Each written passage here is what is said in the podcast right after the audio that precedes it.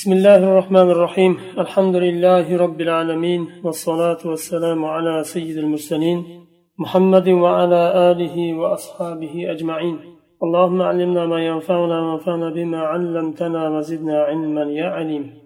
منهاج القاصدين ينجي فصل تختجندك فصل واعلم أن العلوم المحدودة تنقسم إلى قسمين. بلين مقتلين يخشب فايدالي إلملا ikki qismga bo'linadi al avval mahmudun ila aqsa g'oyatihi eng oxirgi darajasiga qadar maqtalingan ilm bu ya'ni maqtalishni eng oxirgi darajasigacha va kullama kana aksar kana ahsan va afzal qancha ko'p buni ta'lim olsangiz shuncha yaxshi va afzaldir وهو العلم بالله تعالى وصفاته وافعاله وحكمته في ترتيب الآخرة على الدنيا فإن هذا علم مطلوب لذاته والتوسل به إلى سعادة الآخرة وهو البحر الذي لا يدرك غوره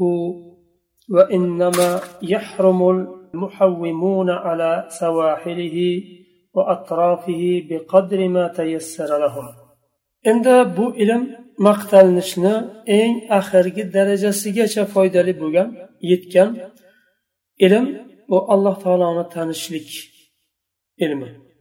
Allohning sifatlarini afollarini bilish oxiratni dunyodan ko'ra afzal qo'yishlikdagi hikmatni bu ilm matlubun lidatihi o'z o'zida foydali bu ilm. Ba'zi ilmlar bo'ladi matlubun li g'ayrihi matlubun lizatihi matlubun li g'ayrihi. Matlubun li g'ayrihi degani bu ilm matlub lekin bu ilmdan olishdan maqsad boshqa ilmni o'rganishlik. Masalan arab tili matlubun li g'ayrihi. O'z o'zida matlub emas. Maqsad arab tilini o'rganish emas. Maqsad ilmni o'qishlik. Chunki qur'on sunnat va butun diniy shar'iy ilmlar arab tilida chop qilingan. Ta'lif qilingan. Ummatni payg'ambari bu ummatni salafi va imomlari hammasi arab arab tilida kitoblarni ta'lif qilgan. Agar imomlarni ichida arab bo'lmaganlari ham bo'lsa ham. Shuning uchun arab tili bizga zaruriy. Arab tilini o'zi uchun emas ilmni o'rganishlik uchun talab qilinadi arab tilini o'rganishlik. Shuning uchun matlubun li g'ayrihi bo'ladi. Bu yerda bu alloh taoloni zotiga sifatlariga afollariga taalluqli bo'lgan ilmlarni o'qishlik bu matlubun li g'ayrihi emas matlubun li zatihi. Va alloh taoloni tanishlik oxiratning saodatiga yetishlik uchun. Va bu ilm chuqurligi yetilib bo'lmaydigan darajada chuqur dengizdir bu. Bu ilmdan mahrum bo'lib qoladi kimlar? Sohildagina yurib dengizni ichiga kirmaganlar. القسم الثاني العلوم التي لا يحمد منها إلا مقدار مخصوص وهي التي ذكرناها من فروض الكفاية فإن في كل علم منها اقتصارا واقتصادا واستقصاء. ikkinchi qism ilmlar yuqoridagi birinchi qismga o'xshagan avvalidan oxirigacha maqtalingan ilm emas. Ya'ni u bir maxsus bir miqdorda maqtalingan. O'sha miqdorni o'rgangandan keyin qolganiga umrni sarflab yotishlik hojati yo'q.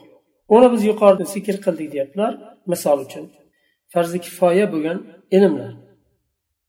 Va bu farzi kifoya bo'lgan ilmlarni iqtisor iqtisod istiqso iqtisor bir narsada cheklanishlik muayyan bir miqdorda cheklanishlik iqtisod u ham o'sha keraklisini olishlik vaqtni tejab. U eng oxirgi darajasi masalan bir farzi kifoya bo'lgan ilmni eng oxirgi darajasi qanchagacha olasiz? Qaysi miqdorda olasiz? Shu yer. Fakun ahad rajulayn imma mashg'ulan bi nafsihi va imma mutafarrigan li g'ayrik ikkita kishini bittasi bo'ling. Yo o'ziz o'ziz bilan mashg'ul bo'ling doim. O'zizni isloh qilishga o'zingizni diningizni axloqingizni iymoningizni kuchaytirishga mashg'ul bo'ling. Chunki dunyo o'tadi ketadi. Zudlik bilan inson hayoti tugab qolganini sezmay qoladi. Oxiratga olib borayotgan nimangiz qancha? Buni alloh taolo biladi. Shuning uchun o'ziz bilan mashg'ul bo'ling deyaptilar bu birinchi kishi bo'lsa ikkinchi kishi o'zi bilan mashg'ul bo'lib yetarli darajada o'zini isloh qilgandan keyin boshqalar bilan mashg'ul bo'lishlik boshqalarni tarbiyasi ta'lim tarbiyalari bilan mashg'ul bo'lishlik وإياك أن تشتغل بما يصلح غيرك قبل إصلاح نفسك واشتغل بإصلاح باطنك في تطهيره من الصفات المذمومة كالحرص والحسد والرياء والعجب قبل إصلاح ظاهرك وسيأتي ذلك إن شاء الله تعالى في ربع المهلكات o'zingizni isloh qilmasdan oldin boshqalarni isloh qilishga kirishmang o'zingizni isloh qilmasdan oldin boshqalarni isloh qilishlik bilan mashg'ul bo'lmang o'zingizni ichingizni isloh qiling poklang yomon sifatlardan poklang. Zohiringizni isloh qilishdan oldin botiningizni ichki dunyoyingizni ichki nimangizni isloh qiling. Yomon sifatlardan masalan dunyoga bo'lgan harislikdan yo hasad yo riyo yo ujub manmanlik shunga o'xshagan sifatlardan o'zingizni isloh qiling. Bu hali yana kengroq keladi. rubul muhlikat halok qiluvchi narsalarning to'rtdan biri degan faslda keladi فإن لم تتفرغ من ذلك فلا تشتغل بفروض الكفاية agar bu narsalardan hali forig' bo'lmagan bo'lsangiz o'zingizni isloh qilib hali ulgurmagan bo'lsangiz fardi kifoyalar bilan mashg'ul bo'lmang bu oldingi olimlarni ilmdagi yo'nalishi. Shuning uchun asosiy fardi ayn bo'lgan ilmni bermasdan oldin arab tilini o'rgatishlik yoyinki shunga o'xshagan qur'on yodlashlik yaxshi narsa mahmud bo'lgan maqtalingan narsa. Lekin uni yonida farzi ayn bo'lgan ilmni ham olib borish kerak. Agar farz ayn bo'lgan ilmdan hali forig' bo'lmagan bo'lsangiz farzi kifoya bilan mashg'ul bo'lmang. Chunki farzi kifoya bo'lgan ilmlarni sizdan boshqalar ham juda ko'pchilik qiladi.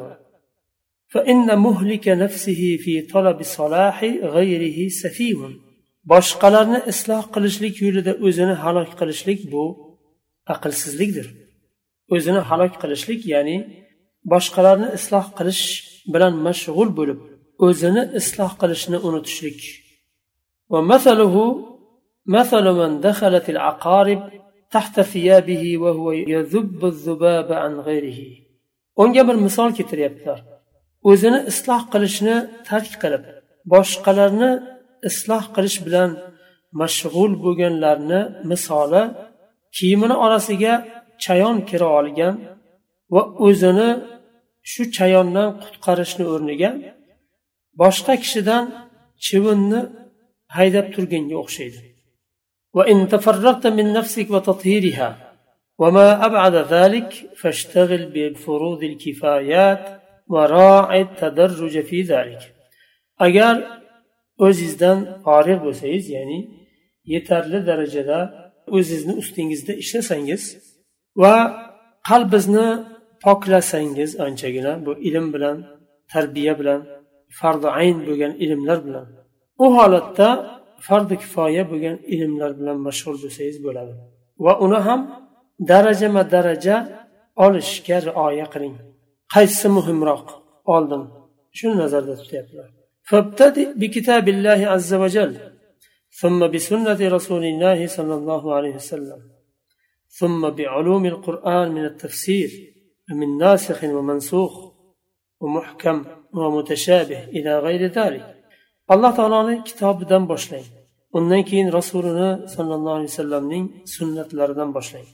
Undan keyin qur'on ilmlari tafsir nosih va mansuh muhkam va mutashabih qur'onni ahkomlarini ilmlarini o'rganing. Shuningdek sunnatda ham xuddi shunday ya'ni sunnat ilmlari hadis ilmlari hadisni ham nosih mansuhlari bor.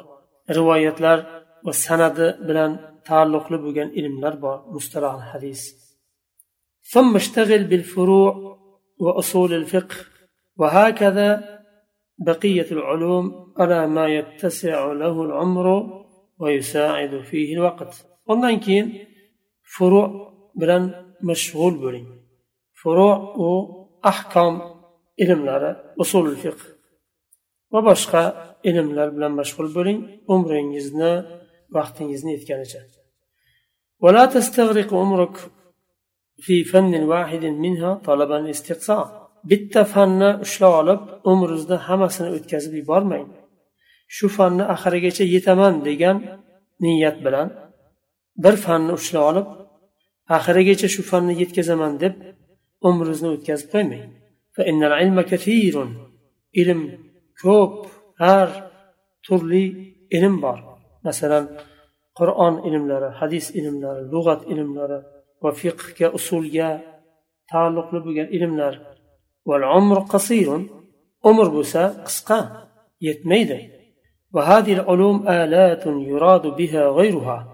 Bu ilmlar bir olatga o'xshaydi. Bu olat bilan boshqa narsa iroda qilinadi. Masalan magazindan bir olat sotib olsangiz u olatni o'zi uchun emas. U olat bilan qilinadigan ishni maqsad qilib olasiz. Masalan aytaylik mevani suvini siqib chiqaradigan bir olatni sotib olsangiz maqsad uni mevani suvini chiqarib ichishlik bo'ladi. Bu ilmlarni o'qiganda ham yuradu biha g'ayruha. Shu olat bilan boshqa narsa iroda qilinadi. Boshqa ilmlar iroda qilinadi va shu alloh taoloni bizga nozil qilgan shariatini o'rganib shariatiga ko'ra yashashlik iroda qilinadi shunga o'xshagan hadaflar iroda qilinadi وكل شيء يطلب لغيره فلا ينبغي أن ينسى فيه المطلوب har qanday narsa agar o'zidan boshqa narsa uchun talab qilinadigan bo'lsa yuqorida aytdik matlubun lidatihi va matlubun li g'ayrihi deb Agar matlub li g'ayrihi bo'ladigan bo'lsa shu masalan bir ilmni olyapsiz bu ilm matlubun li g'ayrihi boshqa ilmlar uchun bu ilm sizga zarur. Shu ilmni o'qimasangiz boshqasini tushunmaysiz. Bu holatda nima deyiladi? Matlubun li g'ayrihi.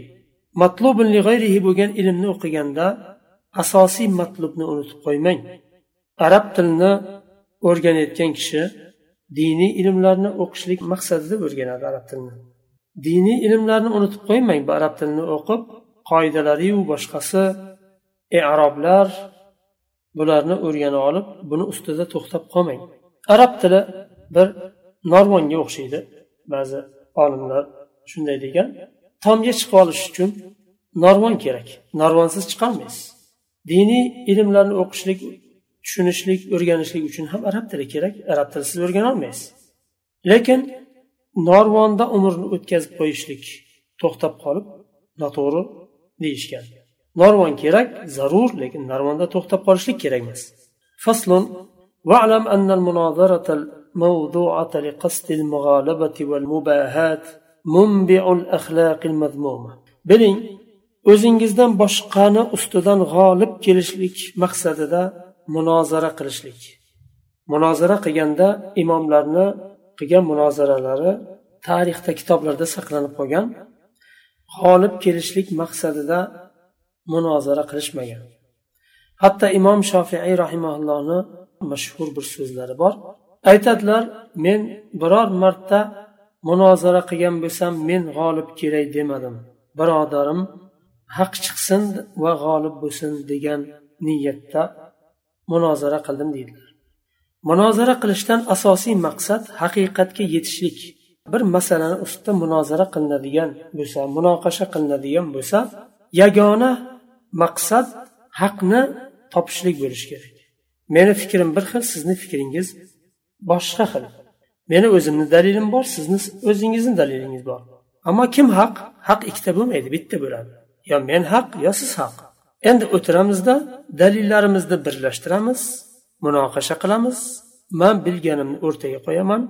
Siz ham bilganingizni o'rtaga qo'yasiz. Munoqasha qilamizda. Undan keyin ikkalamiz bir nuqtada to'qnashishlik uchun birlashishlik uchun munozara qilamiz. Haqni topishlik uchun.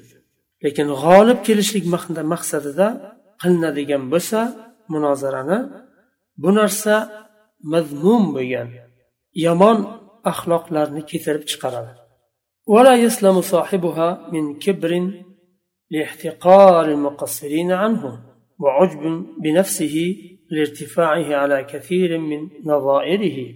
ولا يسلم من الرياء لأن مقصود المناظر اليوم علم النفس علم الناس بغلبته وإطلاق ألسنتهم بشكره ومدحه. فهو يذهب عمره في العلوم التي تعين على المناظرة مما لا ينفع في الآخرة كحسن اللفظ وحفظ النوادر bunday axloqqa sohib bo'lgan kishi munozarani qilganda g'olib kelishlik maqsadida munozara qilishlik agar g'olib kelishlik maqsadida munozara qiladigan bo'lsa qarshi tarafdan haqiqatni sezib qolsa ham tan olmaslikka majbur bo'ladi chunki g'olib kelish kerak. Agar tan olsa yengiladi mag'lub bo'ladi. Shuning uchun u haqiqatni ko'rib turib inkor qilishga majbur bo'lib qoladi. Shuning uchun u kishi riyodan salomat bo'lolmaydi kibrdan salomat bo'lolmaydi. Nima uchun? Chunki qarshidagi kishini past sanaydi. O'zini undan ko'ra ortiq deb biladi.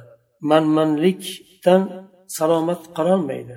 Chunki o'zini tengdoshlarini ko'pisidan yuksak ko'radi o'zini. Riyodan salomat qololmaydi.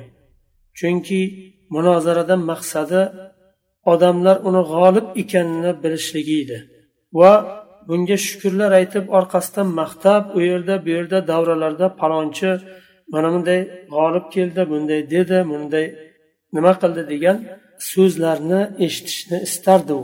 Riyo. Bu odam umrini o'tkazib yuboradi munozaraga yordam beradigan ilmlarni o'rganish bilan. Munozaraga yordam beradigan ilmlar mantiq masalan ilmlari va shunga o'xshagan ba'zi bir ilmlar bor falsafa mantiq ilmlari munozaraga yordam beradi. Munozarani yo'llarini qanday o'rgatadi? Lekin oxiratiga yordam bermaydi. Husnul lafz bu munozaraga yordam beradigan ilmlar lafzni yaxshi tanlashlik to'g'ri tanlashlik. Va nodir bo'lgan ba'zi bir qoidalarni saqlab qolish aqlda aqliy qoidalarni. وقد روي في الحديث عن النبي صلى الله عليه وسلم أنه قال أشد الناس عذابا يوم القيامة عالم لم ينفعه علمه. رسول الله صلى الله عليه وسلم أيتدلر بالحديث إمام بيهقي أبو هريرة رضي الله عنه دان rivoyat qilganlar tahrij qilganlar bu hadisni. Qiyomat kunida odamlarni azob jihatdan eng qattig'i ilmi o'ziga foyda bermagan olimdir deganlar. Bu hadisni olimlar zaif degan lekin ma'nosi shariatni asliga zid bo'lmagan ma'no zid emas ya'ni. Shuning uchun bu yerda kitobga keltirganlar shu yerda to'xtaymiz keyingi darsdan. Yangi bobdan boshlaymiz. سبحانك اللهم وبحمدك أشهد أن لا إله إلا أنت أستغفرك وأتوب إليك